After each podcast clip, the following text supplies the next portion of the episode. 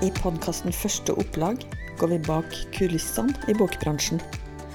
Du vil få møte forfattere, redaktører og andre bransjefolk som deler av sin erfaring med å gi ut, markedsføre og selge bøker.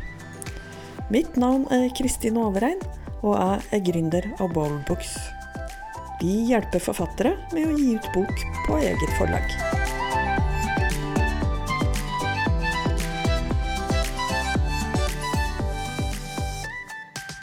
Temaet for denne episoden blir ulike hindringer man møter som forfatter. Og den som skal svare på det, det er deg, Ingrid Sande Larsen. Velkommen hit. Tusen takk.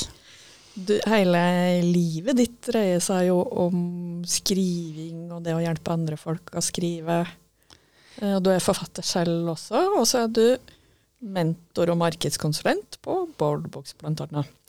Ja, det stemmer. Ja, det er eh, helt riktig det at mye av livet eh, sirkler rundt skriving, både egen og andres. Pluss at jeg gjør alt dette her oppå en 80 eh, jobb med læring i Flyktninghjelpen. Men det var ikke det vi skulle snakke om i dag. Nei, det, jeg gir råd, veiledning både når det gjelder manus og markedsføring, og generelt det å skrive og gi ut bok, både direkte én-til-én med folk og i podkasten som heter Skrivelivet. Så ja, det blir mye som dreier seg om skriving. Ja. Definitivt. Eh, og da vi eh, snakka litt sammen om, på forhånd om eh, disse hindringene man møter, så identifiserte du faktisk sju forskjellige typer hindringer. Ja, og det er jo sikkert mange måter man kan se dem på, og det omfatter jo mye forskjellig. Men den første som jeg tenkte å snakke om, det er jo ikke nødvendigvis aktuelt for alle som hører på denne podkasten her fordi de er inne i en eh, prosess med Boldbooks, men den gjelder i aller høyeste grad meg selv og andre jeg har snakket med, og det er den med 'får ikke begynt engang'. Ja. Og ikke i det hele tatt ikke få skrevet noen ting. Og det kan jo være mange årsaker til det. Vi kan jo da litt røft dele de årsakene i to. Den første har jo med det jeg kjente veldig på selv i veldig mange år. Eh, på skam, på mindreverdighetsfølelse, på dette med at hvem i all verden er jeg som skal skrive og gi ut en bok? Og det jeg, vet jeg at jeg ikke er alene om å ha tenkt. Veldig gjenkjennbart. Jeg kjenner det igjen ja, sjøl. Ja. Ikke sant? Mm. Og det som er, eh, er jo at jeg har jo skrevet Jeg sier jo i podkasten eh, Skrivelivet at jeg har skrevet hele livet, og det stemmer det, altså.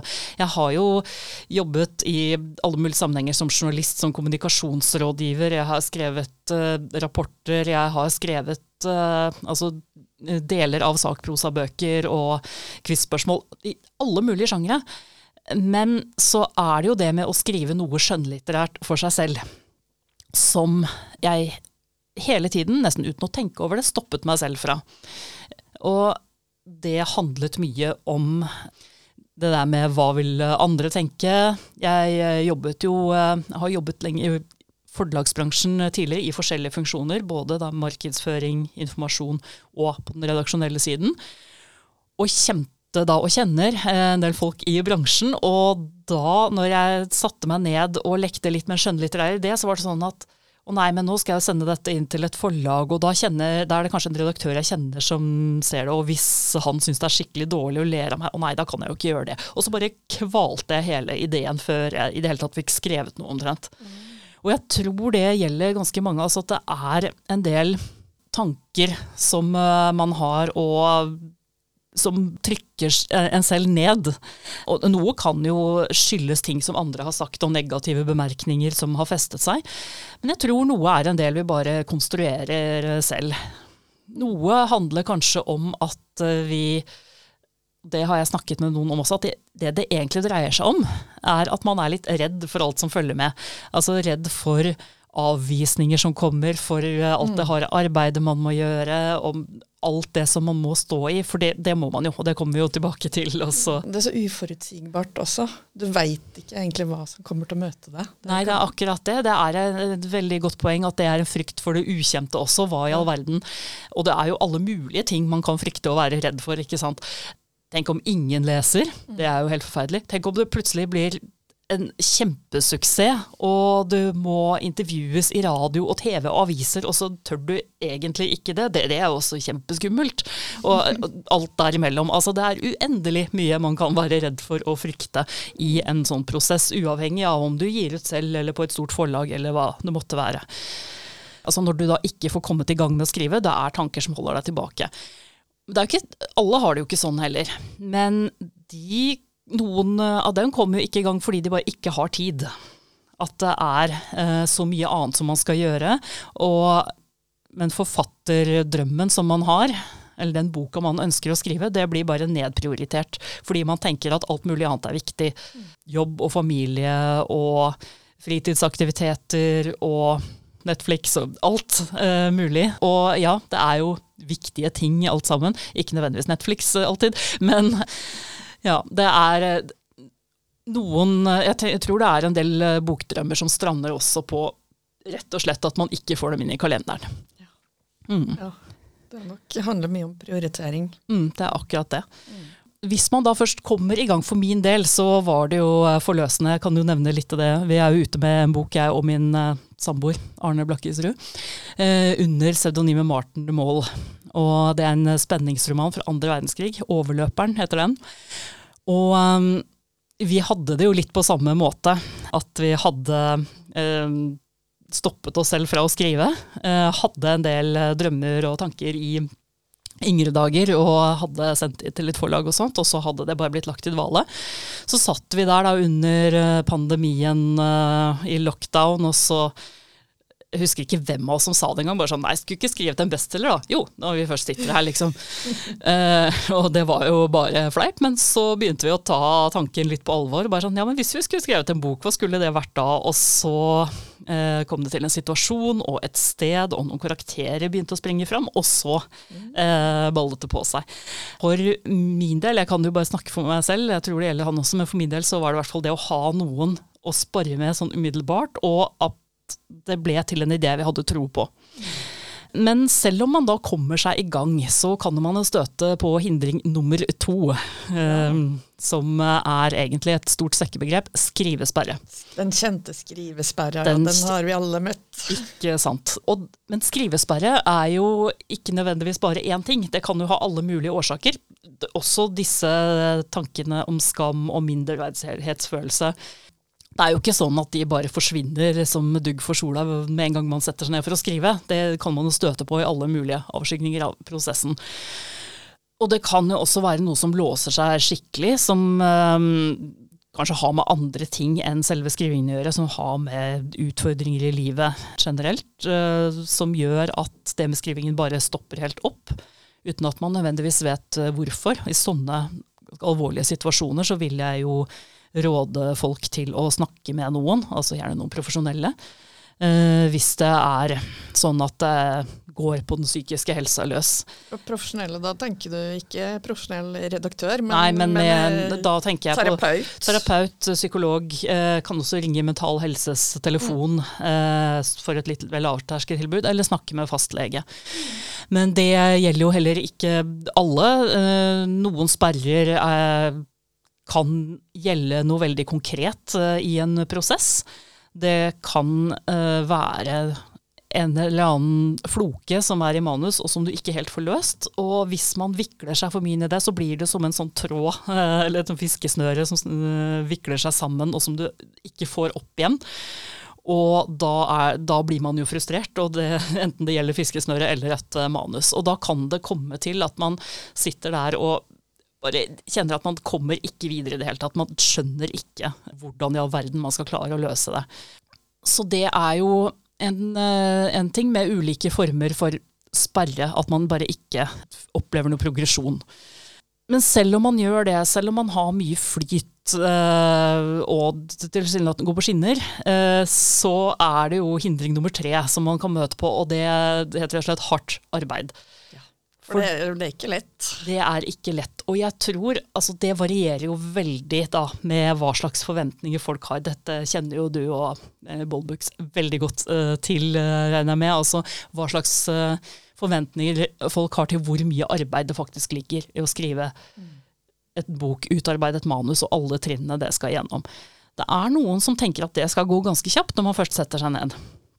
Noen, det tror jeg langt, eller det gjelder langt fra alle, men noen tenker litt sånn at nei, nå har jeg skrevet et førsteutkast, nå har jeg sittet og jobbet så lenge med én tekst.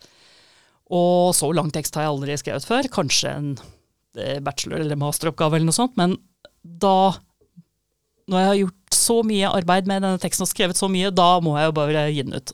Nei, du er bare så vidt i gang. og det kan være litt hardt å høre. For det er jo alt mulig Altså det er jo ikke grenser for hvor my mye man kan eh, og må henge seg opp i. Eh, det kan være én enkelt setning som man blir sittende og flikke på i dagevis.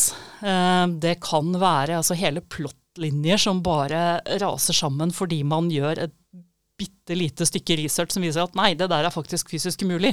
Eller sånn som vi som skriver historisk eh, spenningsroman, eh, og skal fortsette å gjøre det framover også, vi støter jo stadig på sånt bare Nei, det sa man ikke da, nei. Eller nei, sånt gjorde de ikke. Eller ja, et eksempel fra en senere bok, eh, mye som dreide seg om noe som var i et kjøleskap. Fant at det var veldig lite sannsynlig at en menneske da i det samfunnslaget hadde kjøleskap på den tiden. Så da bare Nei, da røk den.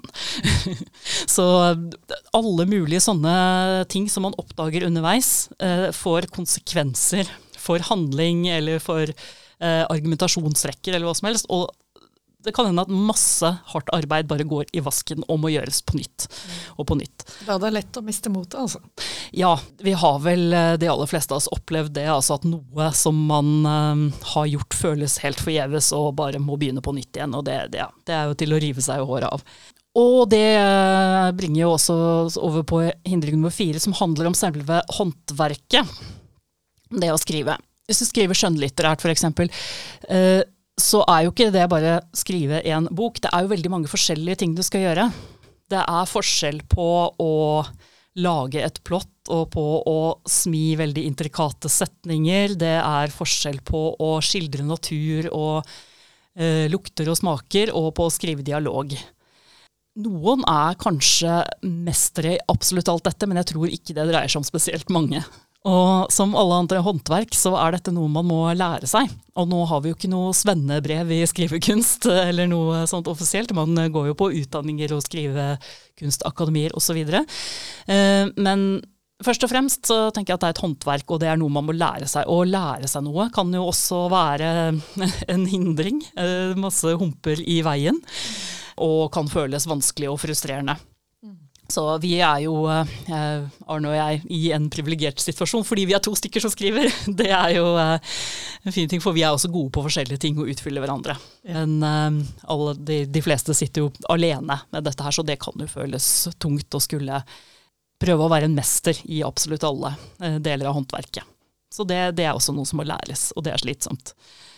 Og så, når man da gjør alt dette harde arbeidet her, og skal gi det videre til noen, altså enten det er sånn at du gir ut boka selv og sender det inn til en redaktør, eller til uh, en konsulent som sender en eh, uttalelse tilbake, eller du sender, eh, går den tradisjonelle forlagsveien og sender det inn der, så er det uunngåelig at man vil oppleve avvisninger, refusjoner, nederlag, kommentarer, altså redaktør um, som nedsabler virkelig, altså som går løs på manuset sitt med machete og sier at uh, her er det virkelig ikke mye å samle på.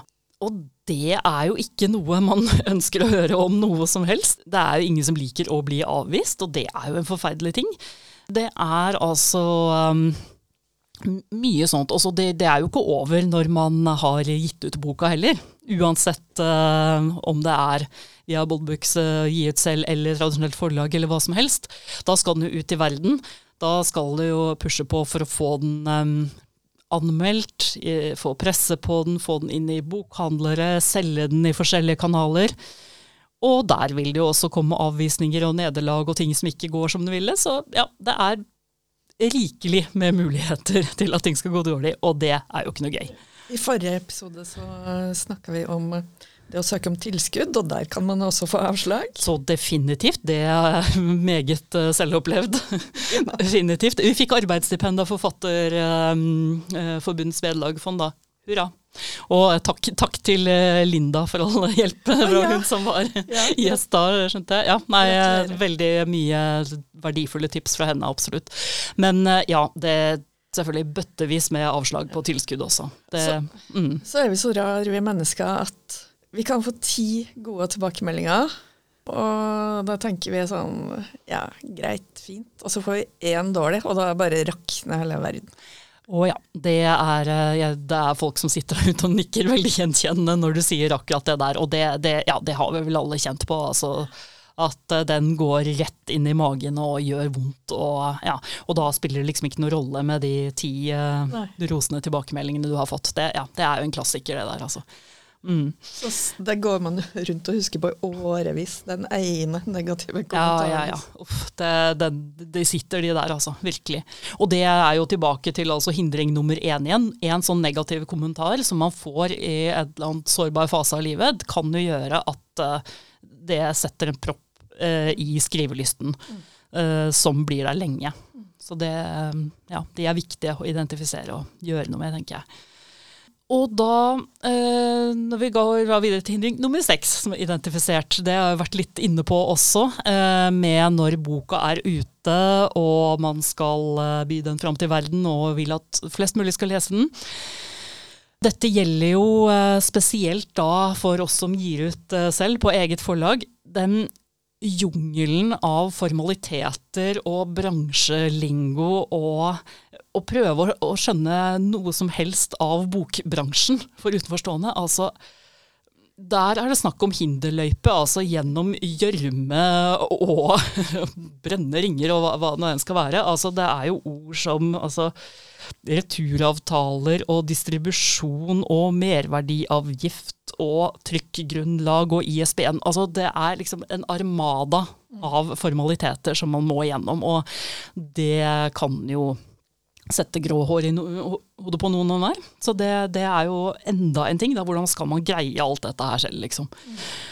Og da er vi over på syvende og siste hindring. Flere nedturer og mer hardt arbeid. ja, ikke sant. Altså, det er flere som vil aktivt avvise boka, som vil ignorere henvendelsene dine, og så må du stå på som en gærning. Så da kan man jo spørre seg, da, etter alt dette, hvorfor gjør vi det? Ja, hvorfor vil man seg selv så vondt? Hvorfor vil man seg selv så vondt? Uh, og der er vi inne på noe som jeg har eh, snakket en del om, uh, både altså med venner og kjente som skriver, uh, med, til, til og med podkastlyttere og på altså kanalene til skrivelivet. At det handler om å finne grunnmuren i seg selv og sitt skriveliv. Og hvorfor det er du gjør dette her. Det kan jo være at det er en sakprosabok du skriver ut ifra en sak du brenner veldig for. Noe som du vil at flere skal få vite om. Og at uh, boka er en gyllen mulighet. Det blir en bærer av budskapet ditt som kan føre deg til enda flere kanaler, sånn at enda flere får høre det. Eh, Det kan være at du har en trang til å fortelle historier, til å underholde andre, opplyse andre, til å eh, gjøre andre berørte, få andre til å le og til å gråte. Eh, Få utløp for kreativiteten din, og at den kommer andre til gode, da. Og også det med å, sånn som eh, selv opplevde på lanseringsfest eh, for boka for ikke så lenge siden, det å sitte ved signeringsbordet, og så kommer det et uh, ektepar eh, med en liten babys bort, og som sier at de har kjøpt boka allerede, men de vil gjerne kjøpe fire bøker Oh. Uh, som de uh, vil ha signert da, som, og skal gi gave til venner og familie. veldig hyggelig. Altså, og sier hyggelige ting om den. Og det kommer hyggelige anmeldelser og femmerterninger, og det er bokhandlere som vil ha den. Altså, men særlig det med at det er noen som har lyst til å gi bort boka i gave til andre. Tenk det. Ja. Det er, det er kjempestort. Og sånne øyeblikk gjør at uh, det blir verdt å komme over alle de hindringene. Da er det verdt å liksom hoppe gjennom de brennende ringene og stå med sverdet og fekte mot eh, distribusjonskanaler og hva det måtte være, og alle mulige formaliteter og innkjøpsordninger og det som måtte være. ja. Da, da er det verdt det. Så man må på en måte se for seg lyset i enden av tunnelen? Ja, det er akkurat det. Jeg tror det vil hjelpe en del å identifisere den grunnen. Hvorfor gjør du dette her? Hvorfor skriver du i utgangspunktet? Hvorfor har du lyst til å gi ut en bok? For når du sitter midt oppi en grufull skrivesperre, eller noe gjør vondt i skriveprosessen på den ene eller den andre måten, eller utgivelsesprosessen, gå tilbake til hvorfor du gjør det, og hva det er du ønsker, hva det er du brenner for. Ja. Det tror jeg er den aller viktigste tingen. Hvis du da går i deg selv og kjenner på det, så bare ja, det er verdt det. Jeg står her og tenker på hva er den vanskeligste av disse hindringene å komme over, tro? Og da tenker jeg med meg sjøl at jeg vil tro at det er det psykologiske. Det er skamfølelsen, mindreverdighetsfølelsen. Eller hva tror du? Jo, altså det vil jo være individuelt for folk hva som er vanskeligst å komme seg over. Men eh, ja, for veldig mange så vil det være det. Og det er nok fordi at eh, vel, det er noe som sitter dypt. Det er noe som for eh, mange som opplever det, at det handler om mange andre ting enn selve skrivingen og kreativiteten. Det handler om egenverdi og selvfølelse, og er kanskje slekt med andre vansker man har med psykisk helse. Men det trenger jo ikke å være det heller. Men det kan være uh, ja, noe vondt som man bærer på, og som er knyttet til dette her. Så jeg tenker jo at det man bør gjøre med det, er på et eller annet vis å løse opp den knuten. For noen så trenger du ikke være langvarig terapi eller noe sånt. Da kan det være rett og slett noe så enkelt som å snakke med noen andre. Men kan det ikke være en terapi i seg selv å skrive bok, hvis det er en sammenheng der, på en måte? Mellom Ja. tema og det man kjenner på? Definitivt. Det, det kan det absolutt. Og det For det det, det handler om, eh, enten man skriver det ut av seg eller setter ord på den mens man snakker med andre, det er jo ja, nettopp det at det er at det får ord, at det får skikkelse, at det får eh, At det blir mer håndfast. Ofte når man eh, har det vanskelig, eh, ut fra egen erfaring og inntrykk og andre sier, så er det det at det er noe udefinerbart. Det er noe som er usikkert. Sånn som du sa, at uh, man vet ikke hva som ligger i fremtiden, og det kan være skummelt. Eller at det er en generell uro man har, eller et eller annet. Kanskje man rett og slett skulle ha tatt en eh, skriveøvelse, og skrive om akkurat den hindringen man står eh, overfor, og skrive, si det høyt til seg sjøl gjennom skrift.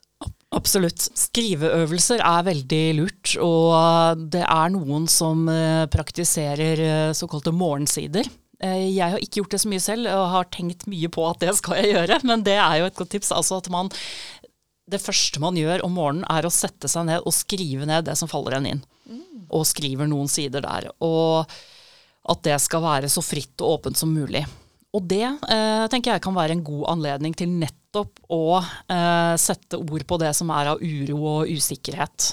Og noen eh, opplever det at eh, det er positivt eh, da for å få lukt vekk de eh, negative tankene eller usikkerheten før man begynner på selve skrivingen på prosjektet som man holder på med. Da har man på en måte skrevet av seg litt gruff først, og så kan man gå i gang med det man skal gjøre. Og det tror jeg kan være en bra metode. Jeg skal hjem og prøve den selv også. Ja. Og så tenker jeg på det her som man kanskje kan kalle sannhetens øyeblikk. Og det er første gangen man får tilbakemelding på teksten sin. Så man, og så får man kanskje noe som man er helt uforberedt på, noe helt annet enn det man hadde sett for seg. Kanskje man er strålende fornøyd med manuset, og så det, blir det slakt. Ja, og det er klart, det er jo et sjokk. Altså uansett hva det gjelder, om det er den situasjonen der med tilbakemelding på manus, eller det kan jo sikkert sammenlignes med at man eh, plutselig får en kjeft av en god venn, eller at det er eh, et eller annet negativt som skjer når man trodde det skulle være noe positivt. Og det er jo, hvis man kjenner litt på det, det er jo rystende eh, uansett. Og da tenker jeg som så at eh, det kan være lurt å stålsette seg lite grann. Eh, og være klar over at det kan komme negative tilbakemeldinger, og at det vil at det er kanskje nødvendig å gå inn eh, med ganske hard skyts mot et manus. Men da er det én ting som eh, jeg liker å si til folk. Og det er at du er ikke teksten din. Du er ikke boka di. Hvis du får eh, total slakt manuset ditt av en redaktør, hvis du sender det inn til et forlag og får en refusjon, hvis det er sånn at du prøver å selge inn boka di, har gitt den ut selv og selger inn bokhandlere og ingen vil ha den, så er det ikke deg de avviser. Det er ikke deg som person og deg som menneske som blir eh, holdt på å si hakket i filler av en redaktør, det er en tekst. Og det kan være litt vanskelig å skille det der, fordi at hvis man Altså Man legger jo mye av seg selv i en tekst. Det vil jo være forskjellig hvor mye man investerer sånn av egen uh, selvfølelse i det man skriver. Men absolutt alle legger jo igjen noe av seg selv. Så det er nært forbundet med hvem du er, uh, nesten uansett hva du skriver. Men Eh, det er viktig å tenke den tanken, tror jeg. Du er ikke teksten din. Mm. For da kan man uh, si til seg selv at ja, nei, men uh, da, da, er det teksten, det er materialet mitt, det er det jeg skal jobbe med. Jeg er meg. Jeg er noe annet. Jeg uh, er den som skal gjøre det. Altså ha en bevisst tanke hvor man skiller mellom tekst og seg selv. For det kan jo føles Det er jo helt fysisk, ikke sant. At at det føles som et slag i magen når du blir avvist eller får en negativ kommentar eller noe sånt. Det er kroppslig. Det er vanskelig å skille mellom de tingene der. Så når du står i det, følelsene tar overhånd, og du, både tanker og det fysiske i kroppen din eh, er veldig aktivt og i spill. Men akkurat når det gjelder eh, det å ta imot negative tilbakemeldinger, ha den for deg, teksten er der, jeg er her. Selv om det er mye av meg i den, så er jeg her. Og jeg er den som skal gjøre noe med det. Mm. Mm. Og den som skal gjøre noe med det, den er kanskje ofte føler seg litt alene i den prosessen. da. Mm. Absolutt. absolutt. Det er jo som for de aller fleste at man sitter alene med teksten sin. Man sitter for seg selv og skriver, og det er mange som trives med det også. Mm. absolutt. Men akkurat det der, og det må jeg si med to forfattere som vi er, så er jo det godt å ha noen å spare med i, ja. i de prosessene. Eh, og når man står litt fast, hvis den ene er litt eh, nede og har en vanskelig dag, så kan den andre dra litt opp, og omvendt. Men man blir sittende veldig alene, så jeg oppfordrer da igjen på det punktet til å søke til andre. Søke til nettverk. Det er um, forfattere som er på Instagram og har kontor og forteller om skriveprosessene sine, og det, der kan det være noen forbindelser. Det finnes uh, meetup-treff for forfattere i flere byer. Det er um, jo konferanser og ting som skjer, altså kurs, eh, skrivekurs, men også andre typer kurs. Eh, masse forskjellige ting nå som eh, den pandemien er helt over og man kan gå ut og faktisk møte folk igjen. Så er det jo flere arenaer der. Eller å så kan man jo snakke med andre som ikke er skrivende også, selvfølgelig, om uh, følelser man har rundt det. Og folk syns jo gjerne det er morsomt å høre om skriveprosesser også, sånn sett. Uh, men ja, det å få luftet ting med andre, det er veldig uh, verdifullt. Definitivt. Mm. Du nevnte jo en hel rekke forskjellige ting man må ordne. I hvert fall hvis man skal gi ut boka selv, da, så er det jo mer man må ordne enn bare selve teksten. Har du noen tips til hvordan man kan legge opp, få strukturert dagen sin og også få frigjort tid til alt man skal gjøre? Ja, det som jeg tenker, altså, som kan være et godt uh, utgangspunkt, det er å dele opp store oppgaver og store prosjekter i mindre og mindre og mindre biter. Det er jo en, uh, et generelt tips da, for uh, å gjøre ting overkommelig. For det er jo hvis du da har gitt ut bok eh, og har som et punkt på gjørelista di ringe bokhandlere altså den lista er jo enorm. Da lage et, uh, en oversikt over et antall du skal ha kontakt i løpet av dagen. Forberede en liten liste, der står navn og telefonnummer. Uh, gjøre klart en mail du kan sende ut. Og så bare ha Dele opp større oppgaver i mindre biter det å lage seg mål er jo fint. Uh, F.eks. identifisere to ting som du skal ha gjort ferdig i løpet av uka, f.eks. Og så styre gjørelista etter det. Det er veldig lett, uansett om du da skriver eller om du er i en fase hvor du skal selge inn, å eh, bli fanget opp i små detaljer.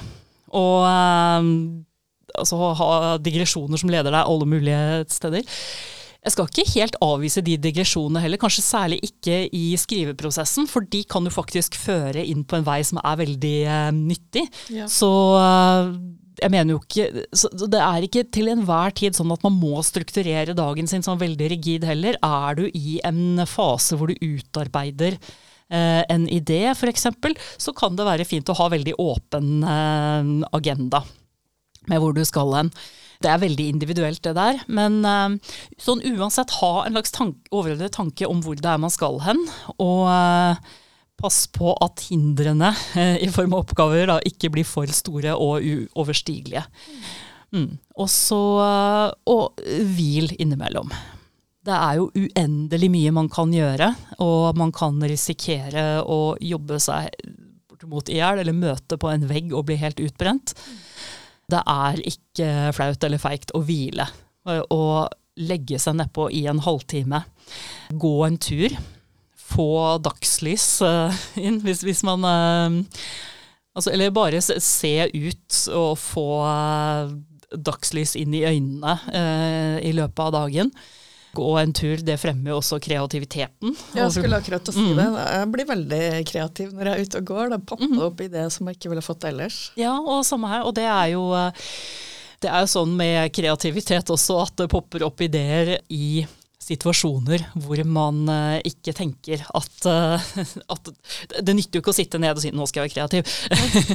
I veldig liten grad, i hvert fall. Det er ofte sånn at ideene dukker opp uh, på de underligste tider og steder. Um, sånn, våkner opp midt på natta, eller står i dusjen, eller går en tur, eller det er sånne ting. Så det mm.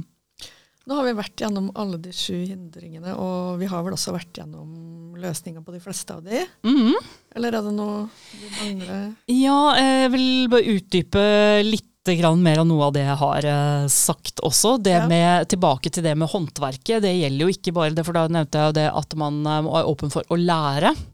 Men det gjelder jo alle sider. Altså når du gir ut bok selv, ja, gjennom vanlige forlag også, men kanskje spesielt når de gir ut bok selv, så er det en læringskurve som er så bratt. Uh, du er nødt til å lære deg mange ting.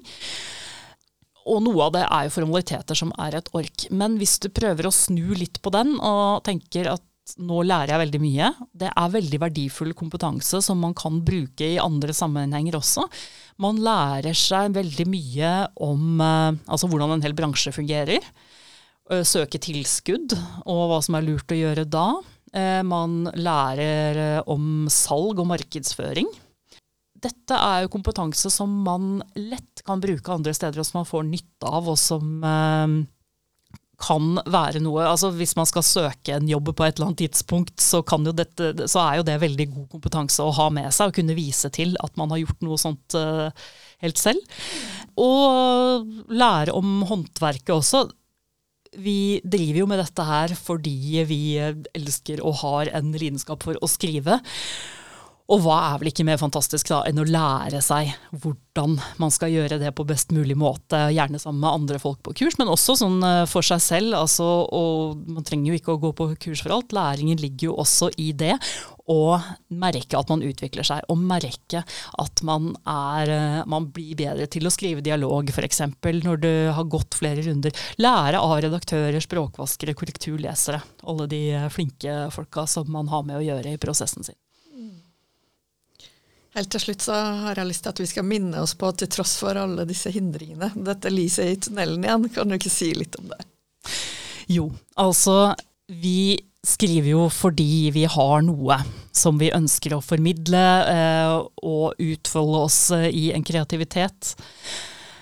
Husk på det at eh, når du da står ved disse hindringene, så finn grunnmuren i deg selv og skrivelivet ditt. Hvorfor gjør du dette her? Tenk på det at uh, en eller annen dag så vil det være noen som står der og kjøper fire bøker av deg, og som de har lyst til å gi bort i gave. Eller eh, hva det nå enn er du tenker deg, altså visualiserer at du skal oppleve for noe fint med eh, bokutgivelsen din. det er der framme. Og du lærer masse. Eh, du utvikler deg selv som skrivende og som menneske. Og det er massevis av fantastiske Du møter mange flotte folk. Ja, det er så mange fordeler og så mange gode ting som gjør at alle hindringene kan eh, Altså, de er forferdelige mens det står på. Vi skal jo ikke stikke det under en stol, men det er så mye fint som venter andre enden. Det er viktig å ha det med seg og tenke på det når det, når det står på som verst.